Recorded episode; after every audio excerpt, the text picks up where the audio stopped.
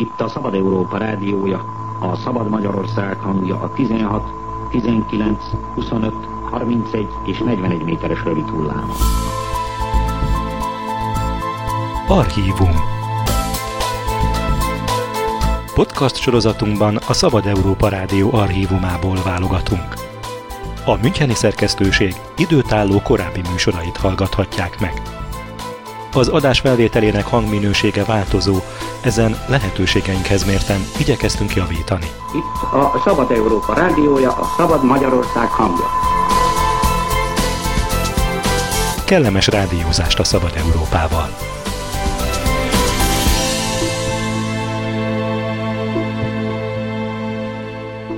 Most meghallgathatják a Szabad Európa Rádió 30 évvel ezelőtt, december 28-án sugárzott műsorát. Láng Júlia összeállítása arról, hogy mi foglalkoztatta, mi érdekelte az embereket 1992-ben. Boldogtalan volt a 92-es esztendő, és ha hinni lehet a Gallup intézetnek, már pedig a tapasztalat szerint lehet, akkor az emberek többsége 93-tól még kevesebb jót vár. A Közvéleménykutató Intézet 48 többségében európai ország rossz kedvét mérte föl. Az emberek a konfliktusok tovább éleződésére, a gazdasági helyzet tovább romlására, a munkanélküliség tovább növekedésére számítanak. Tovább, tovább a szebb jövő felé.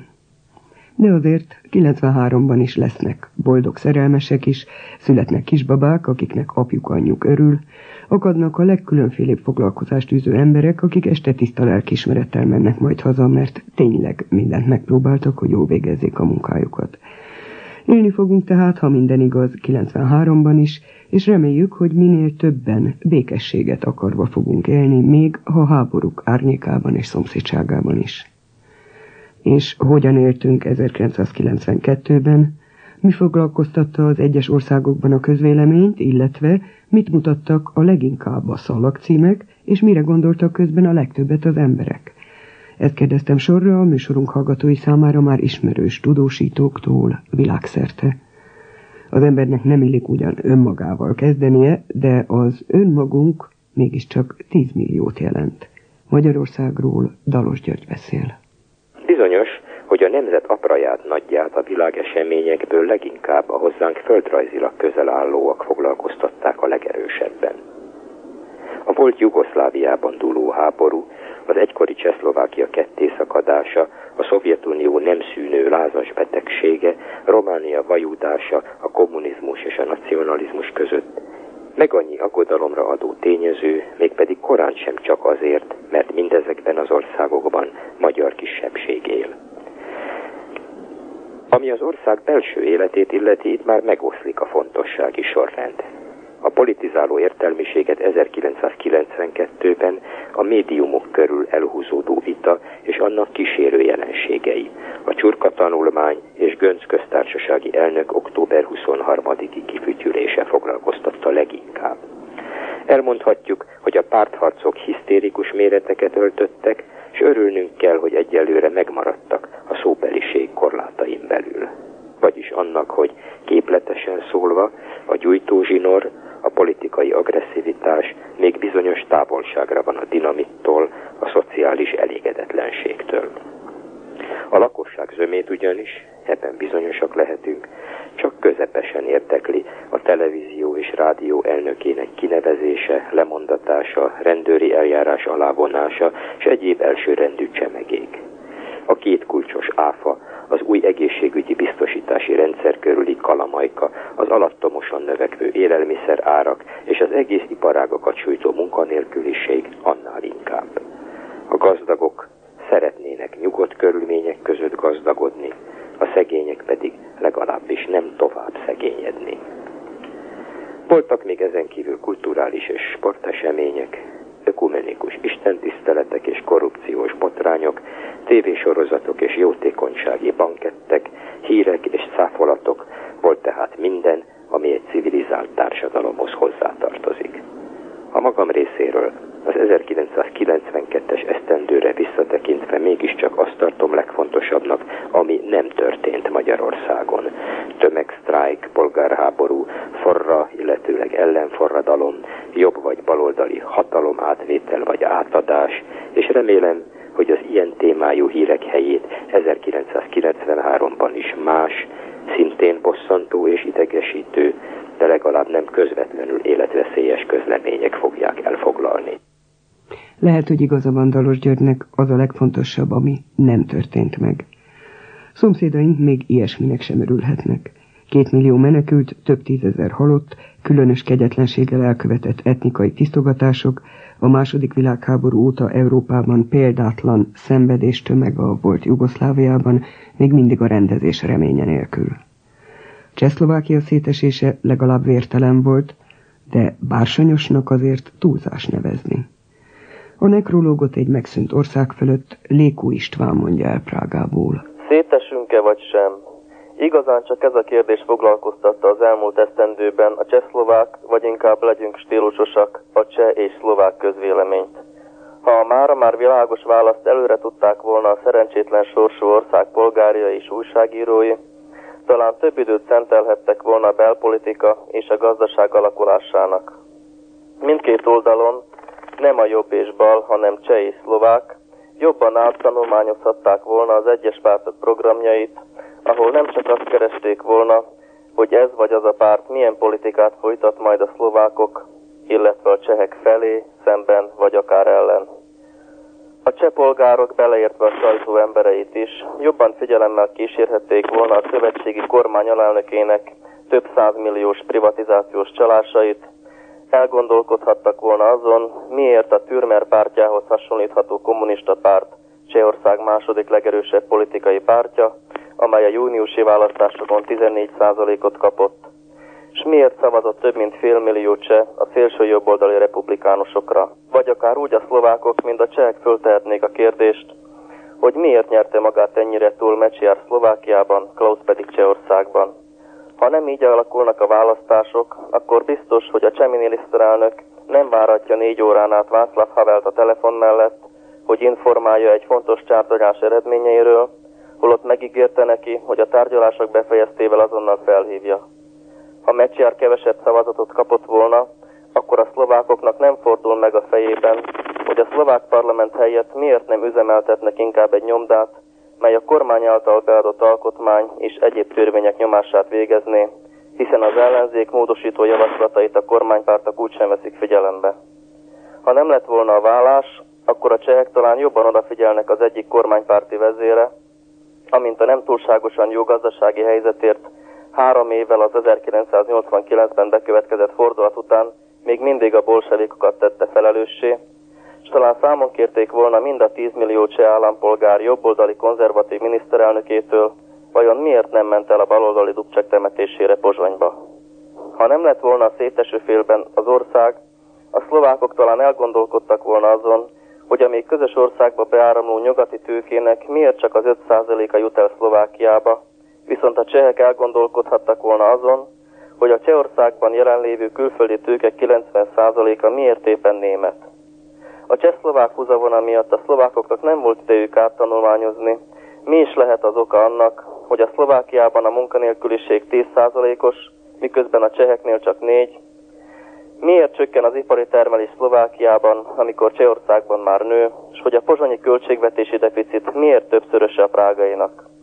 A kérdések nagyjából megválaszolatlanok maradtak, mivel kevesen kérdeztek, és a kérdezettek az ország szétesése miatt kitértek a válaszadás elől. A vállás tehát bekövetkezett. Csehországban már nem panaszkodhatnak, hogy ráfizetnek a szlovákokra, a szlovákok már nem mondhatják, hogy úgy táncolnak, ahogy Prága fütyül. Csehországban a szlovák, Szlovákiában a cserész nélkül éneklik januártól a volt cseh-szlovák himnuszt, a szlovák parlamentben már lassan minden törvényjavaslat elfogadása után. Felépült bős, bár mindenféleképpen felépült volna, csak hát nem így. Lehet, hogy felépül Nagymaros is. Sveik, a jó katona nem tudott megegyezni a szlovák hegyi betyárral, Jánosékkal, holott a közvérménykutatások szerint a lakosság többsége nem akart válni. A vállást azonban már kimondták. De az osztozkodásra, mely sokak szerint Csehszlovákia történelmének legszégyen teljesebb időszaka lesz, csak az új évben kerül sor, és ki tudja meddig húzódik majd el. Mindkét országrész lakossága már ma meg van győződve arról, hogy egy új Csehszlovákia a történelem során többé nem alakul meg. Persze, ha valaki megkérdezni az embereket, talán lenne valami esély. 1918. október 28-án senkit sem kérdeztek meg, Csehszlovákia megalakult. 74 évvel később, híven a tradícióhoz, Csehszlovákia úgy esik szét, ahogyan megalakult. Lékó István, Prága. És mi foglalkoztatta az osztrákokat 1992-ben? Nárai Vilmos. Ausztriában a végéhez közeledő esztendőt a szomszédságban dúló háború árnyékolta be. Az újságok címoldalát talán a leggyakrabban ezért a boszniai eseményekről szóló hírek foglalták el. Szó volt a harcokról, a menekültekről, a földön futóvá lett és meggyalázott asszonyokról. Sajnos, hogy ez már lenni szokott, az idő múlásával egyre kevésbé lettek érdekesek a Boszniából érkező anyagok, mondhatni Ausztria hozzáfásult a borzalmakhoz. Az éve első felének kétségtelenül legfontosabb eseménye Ausztriában mindazonáltal az elnökválasztás volt. Bécs kisé tiszteletlenül szólva végre megszabadult Kurt Waldheimtől, akinek hat évvel ezelőtti megválasztása és nem tisztázott háborús múltja komoly ballaszt volt az alpesi ország nemzetközi kapcsolataiban. És az elnökválasztás maga is meglepő eredményt hozott. Az a katolikus konzervatív néppárt győzött, amelynek csillaga már évek óta leáldozóban van. Thomas Klestil, a megnyerő diplomata személyében olyan elnöke lett Ausztriának, aki pillanatok alatt elérte Franicki kancellár népszerűségi szintjét, pedig Franicki évek óta a féle one-man show-t játszik az osztrák politikában. De hát nem csak politika van a világon, és a derék osztrákok lelkületét ismerve, még Klestil győzelménél is fontosabb volt nekik Patrick Ortlieb győzelme. Hogy ez ki? Kérem szépen az 1992-es olimpiai lesikló bajnoka, akinek tiszteletére Franz Klammer óta először játszották el az osztrák himnuszt a lesikló verseny után. A lesiklás aféle szent tehén az osztrákok szemében. Egy lesikló bajnokság sokkal többet ér, mint az összes többi sísportákban szerzett cím. Ez a legveszélyesebb ága is a sportnak, talán a sízés forma egyének lehetne nevezni.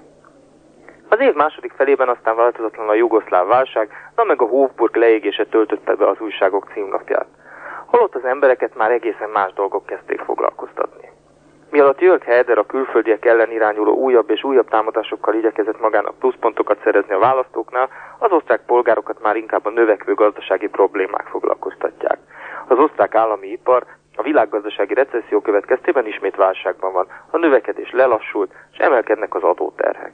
Ilyesmire Ausztriában már régóta nem volt példa, és néhány ágazatban jövőre már komolyabb elbocsátásokra is sor kerülhet hogy mi nem került az újságok címlapjára? Hát például az sem, hogy a majd, hogy nem Ausztria jelképeként tisztelt lipicai lovak tönkretettek egy fővárosi jelképet, a Hofburg melletti népkertet. Történt ugyanis, hogy a Hofburg leégésének éjszakán a lángok már a spanyol lovasiskola bemutatóin használt, valóban világhírű lovak istálóját fenyegették. A pacikat ezért néhány járókelő meg a lovászok kimenekítették az istálóból, és a közeli parkba vitték. Hogy meg ne fázzanak, járatták őket. A derékpacik meg úgy megörültek a friss fűnek, hogy azon nyomban lelegelték az egészet. Úgyhogy mire reggel lett, addigra az üszkösödő palotával szemben lévő parkból is csak romok maradtak. A Hofburgot állami pénzből építik majd újra, a parkra azonban valószínűleg gyűjtést kell majd rendezni. Nárai Vilmos, Bécs. Németország sokat szerepelt a külföldi sajtóban is. Nem azzal, hogy milyen hatalmas tömegben fogadta be a délszláv menekülteket, hanem a határokon belül és kívül egyaránt riadalmat keltő idegen ellenes erőszakhullámmal. Sasvári Attila. Németországban nem sokat kell tűnődni azon, hogy mi állt a középpontban a tömegtájékoztatásban. Egyrészt a politikai menedékkérők, másrészt az ellenük irányuló szélsőjobboldali erőszak. Az év első fele azzal telt el, hogy a sajtó, és elsősorban annak konzervatív része a politikusokat ostorozta tehetetlenségükért.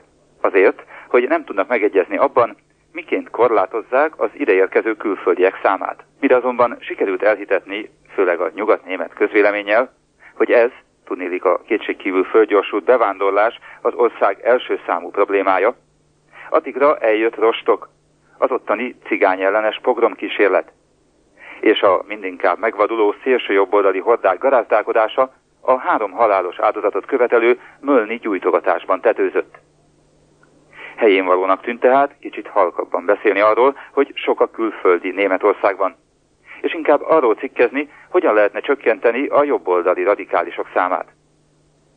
Időközben a nagypártok is megegyeztek a menedékjog reformjában.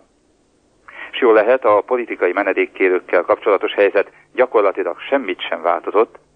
Az újságírók most már a több százezres erőszakellenes gyertyás felvonulások megható leírásán próbálgathatják mesterségbeli tudásukat.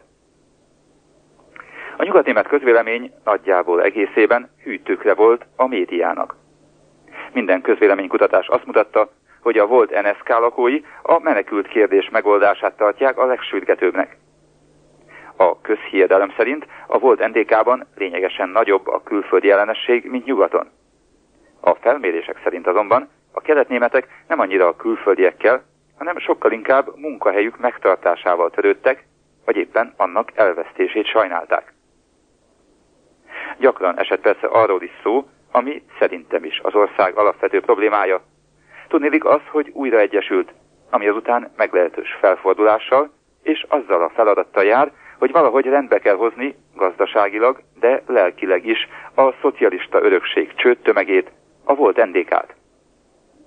Ez a kérdés azonban néha hosszabb időre is háttérbe szorult, eltűnt a külföldiek a politikai menekültek problémája mellett. Ennek a helyzetnek legalábbis annyi haszna volt a németek számára, hogy az ország két felében lakóknak nem kellett még az addiginál, az 1991-esnél is jobban szidniuk egymást. Egyfelől szűk markúság, másfelől sült galambvárás miatt. Mert egy szempontból lehetőség nyílt az egység megtalálására. Közösen tölthették ki mérgüket a külföldieken, bár ezzel kapcsolatban kétségkívül különbséget kell tenni a szélső jobboldali benzines palack és az átlagpolgári morkolódás között. Sasvári Attila, Szabad Európa Rádió, Berlin. Európa, Európa, állam és valóság. Idén a legtöbbet Európáról talán Franciaországban beszéltek, a szeptemberi népszavazás előtt négy álló hónapon át tartott a vita az Európai Közösség Maastrichti szerződéséről. Persze sok más is foglalkoztatta a francia közvéleményt. Járfás Ágnes. Az év elején az Albertville téli olimpiai játékoktól volt hangos minden francia rádió és televízió. Áprilisban új kormány alakult, mely néhány héten belül lejáratta magát azzal, hogy titkon befogadta Georges Abbas, palesztin terrorista vezetőt Párizsi gyógykezelésre. Az engedélyt megadó Georgina Dufois volt aztán az a politikus, akiről egész évben legtöbbet szóltak, rosszallólag, a hírközlő szervek. Ő volt ugyanis azon miniszterek egyike is, akik anyagi megfontolásból utasítást adtak a vérátömlesztő központoknak arra, hogy merítsék ki a rendelkezésükre álló vérkészletüket. Tették ezt annak ellenére, hogy tudták, a véradagok nagy része HIV vírussal fertőzött. Másfél ezer vérzékenységben szenvedő ember vált így étbeteggé, és közülük 256-an már meg is haltak. Több hónapos húzavona után csak december utolsó napjaiban dőlt el, hogy a miniszterek is felelni fognak tetteikért egy parlamenti törvényszék előtt. Ez volt az a téma, ami a legmélyebben fölkavarta a francia közvéleményt, és amit a hírközlő szervek ennek megfelelően bőségesen táraltak. Mindig sok szó esett a parasztok elégedetlenségéről, akik nyáron az európai közös agrárpolitika reformja ellen tüntettek, ősszel pedig a GATT megállapodások ellen tiltakoztak. A pálmát mégis a négy hónapon át tartó Maastrichti szerződés vitája érdemelte ki, amitől a népszavazás napjára már mindenki csömört kapott. Az év elhallgatottabb eseményei közé tartozik, érthető diplomáciai okokból, Mitterrand elnök rákbetegségének alakulása. De a nagy közönség a munkanélküliség leküzdésének módjairól szeretett volna sokkal többet hallani.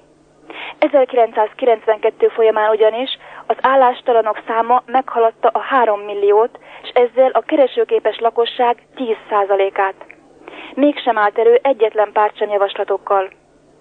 Az 1992-es év a francia családok ezrei számára különleges hangversennyel kezdődött, melyet az emberbaráti ügyekkel megbízott miniszter Bernard Kouchner szervezett a Dubrovniki székesegyházban. Azután azonban a boszniai háborúról a televízió és a rádió csak negyedik, ötödik helyen számolt be, mintha csökkenteni igyekezett volna a tragédia jelentőségét. Igaz azonban, hogy annál nagyobb erejük volt a délszláv válsággal kapcsolatos vitaműsoroknak. És bár a fővárosban számos nagygyűlés alkalmával követelték a katonai beavatkozást, mégis december 21-ének kellett eljönnie ahhoz, hogy a televízió hat csatornájának egyike végre helyszíni tudósításban számoljon be erről. Az év egyik legjelentősebb kultúrtörténeti eseménye a Tridenti zsinat után 400 évvel először újraírt katekizmus csendes megjelenése volt. Ez az első eset, hogy nem latin, hanem francia nyelven jelenik meg ilyen fontos egyházi dokumentum. A kiadó mégsem számított ekkora érdeklődésre. Egy hónap leforgása alatt félmillió példány kelt el a 600 oldalas könyvből. A talán legnagyobb horderejű esemény egy francia kutatócsoport munkájának eredménye. Október elejére elkészültek a 21-es kromoszóma feltérképezésével, mely 50 millió molekulát számlál. Rájöttek, hogy ez a kromoszóma a hordozója az Alzheimer betegségnek is, nem csak a mongolkornak. A veszélyeztetett családok esetében hamarosan már a terhesség idején megállapíthatják a diagnózist, és orvosolhatják a bajt. Az ilyen felfedezéseknek köszönhetően az orvosok egyre kevesebbszer nyúlnak majd sebészkéshez, mert a jövő gyógymódja egyre inkább a megelőzés lesz. Járfás Ágnes hallották Párizsból. Európa a kétkedésre oly hajlamos Szigetországban is téma volt. Londonból Náda Simirti jelentkezik. Nagy-Británia kiemelkedő eseményei között voltak elsősorban a választások. A közvéleménykutatás látványos kudarcot vallott, ugyanis teljes biztonsággal jósolták meg a munkáspárt hatalomra jutását. Eredmény, hogy a konzervatív párt nyert 21 képviselő többséggel. A választások óta a gazdasági helyzet egyre romlik, és a kormány egymás után találja magát kellemetlen helyzetekben. Politikailag a leglényegesebb európai hovatartozásunk. Az év folyamán a kormány hangoztatta az európai átváltási rendszer fontosságát. Miután az angol font bajba került, teljes fordulattal kiléptünk belőle. Ez utat nyitott az angolok örökös kétségeinek, minek nekünk az Európa egyáltalán, sokkal jobb lenne kiszállni az egészből, úgy, mint a dánok. De az átlagembert mindezeknél jobban érdekelte, mi történt a királyi családdal. Ahogy a királynő mondta egyik beszédében, latinra fordítva a szót, ez az év egy annus horribilis, szóval egy szörnyű év volt. Sokan úgy látják, maga a monarchia van veszélyben, és a 92-es év volt a vég kezdete. A királynő két fiának, Charlesnak és Andrewnak tönkrement a házassága, és az év végén leégett a Windsori kastély nagy része. A meglepetés az volt, hogy a közvélemény szerint nem az adófizetőknek kéne kifizetni a helyreállítást, hanem a királynőnek. Hova lettek a hűséges alatvalók? Kétségtelen, hogy a médiának nagy szerepe volt a közvélemény alakításában. Ugyanez a média sikeresen lemondatott egy tehetséges kabinetminisztert. Végre volt egy jó kultuszminiszterünk David Mellor személyében. Sajnos azonban Mr. Mellor botrányba keveredett, ugyanis rajta kapták, hogy rendszeres légyottokra járt egy színésznővel, ahol is hangfelvétel készült a legintimebb megmozdulásaikról. Na hát a médiának csak ez kellett, nem volt más választás, David Mellornak mennie kellett. Még nem sokan vették észre, de végül is minden televíziós nézőt befolyásolni fog. Az idén a kormány megváltoztatta a kommersz televíziós sugárzási jogait. A módszer, amelyel kiválasztották azokat a vállalatokat, amelyek jogot kaptak adásra, teljes fiaskó volt. Sajnos eredménye majdnem bizonyosan az lesz, hogy a műsorok színvonala esni fog, és még több tömegizlést kiszolgáló program lesz majd a vásznon. Végül egy történet a rendőrség idei jegyzeteiből. Egy fiatal párnak kedve támadt a szexuális aktusra egy másodosztályú fülkében. Az utasoknak szemesen rebbent. Amikor befejezték a szerelmeskedést, rágyújtottak egy cigarettára. Ebből viszont óriási botrány lett, hogy lehet egy nem dohányzó fülkében cigarettára gyújtani. A pár ellen eljárás indult. Hát ez csak Angliában fordulhatott elő. Ezzel búcsúzik Nádasi Nértil Londonból. Választás éve volt Izraelben is, sokak számára a változás reményét hozva. Flórián András jelenti. Izrael a hagyományos zsidó naptárat követve szeptemberben ünnepelte az új, szám szerint az 5753. év beköszöntét. Szilveszter napján évfélkor itt csupán az 1992 polgári év fog véget érni, és ez se ivászatra, se új életkezdésével kapcsolatos fogadalmak tételére nem elegendő ok. Összegzést, éves értékelést is csupán a külkapcsolatokkal rendelkező vállalkozók, például az újságírásra vállalkozók készítenek ebből az alkalomból.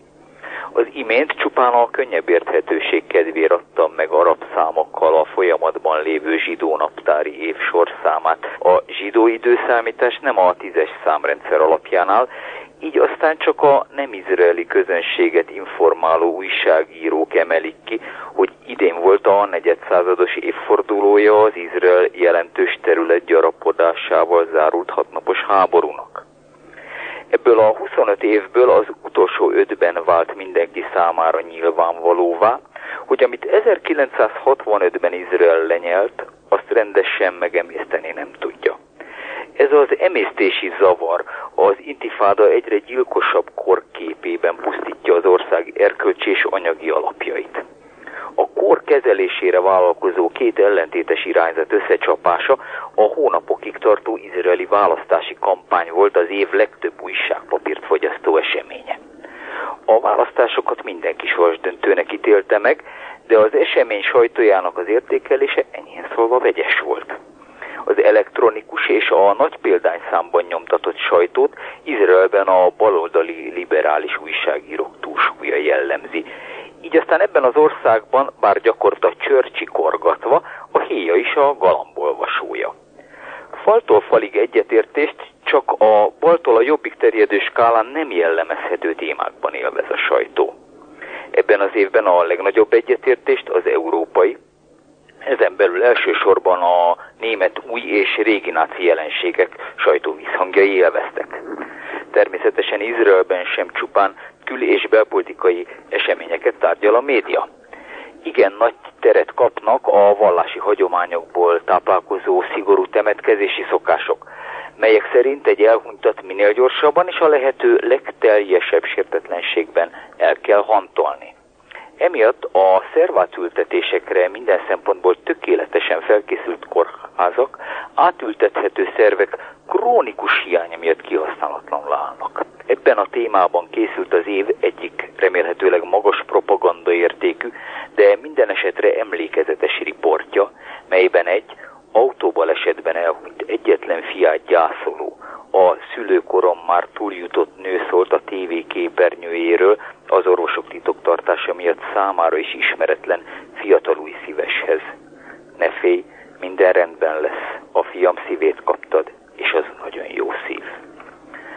Flórián András kíván boldog új évet önöknek Jeruzsálemből.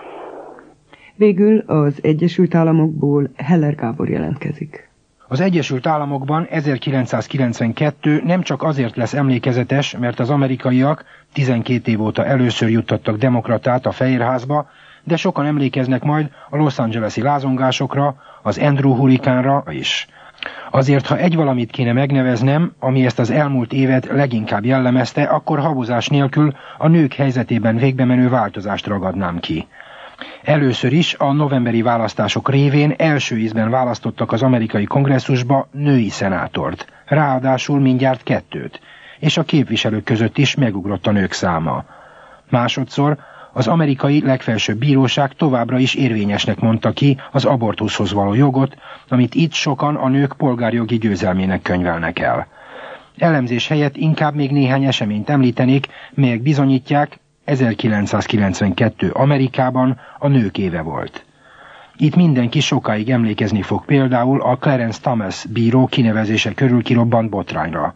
Thomas bíróról ugyanis a kongresszusi jóváhagyó kihallgatások során egykori alkalmazottja, Anita Hill azt állította, hogy őt éveken át molesztálni próbálta. Az élő tévéközvetítések során, melyeket nem lehetett a puritán amerikai publikum előtt cenzúrázni, milliók füle hallatára esett szó péniszről és fanszörzetről. Az ember nem tudta, nevessen vagy sírjon. Minden esetre az esetnek óriási hatása lesz még nagyon sokáig. Látszólag nem idevaló, de mégiscsak jellemző, hogy a tinédzser lányok és fiúk bálványa, Madonna, novemberben szex címmel fotóalbumot publikált, amely nem más, mint egy kimondottan pornográf képgyűjtemény. A legnépszerűbb amerikai tévéműsor címszereplője és kiagyalója is nő, Roseanne Barnak hívják. Roseanne egy nagyszájú és nagyfenekű komikus, aki leginkább a magyar padödő együttes sztárjaira emlékeztet. És akkor még szót sem ejtettem Hillary Clintonról, a következő amerikai elnök feleségéről. A nemzet eljövendő úgynevezett első asszonyát már most kikiáltották, úgymond az új amerikai nő példaképének. Egyet fizet, kettőt kap, mondta róla Bill Clinton, arra utalva, hogy az ő megválasztásával tulajdonképpen két ember jut az elnöki posztra, mondván Clinton mindenben kikéri majd feleségének véleményét. Mert azt kritikusai is elismerik, hogy Hillary nem csak vonzó, de nagyon okos és képzett is. Többek között egy jogi szaklap Hillary Clintont már kétszer megszavazta Amerika száz legjobb ügyvédei egyikének. Heller Gábort hallották New Yorkból.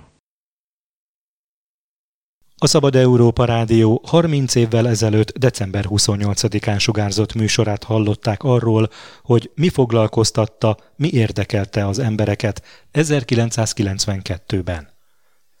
Az összeállítást Láng Júlia szerkesztette.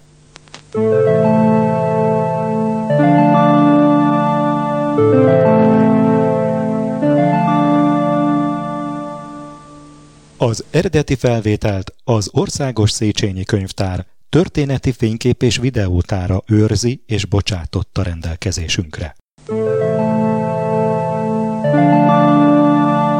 Thank you.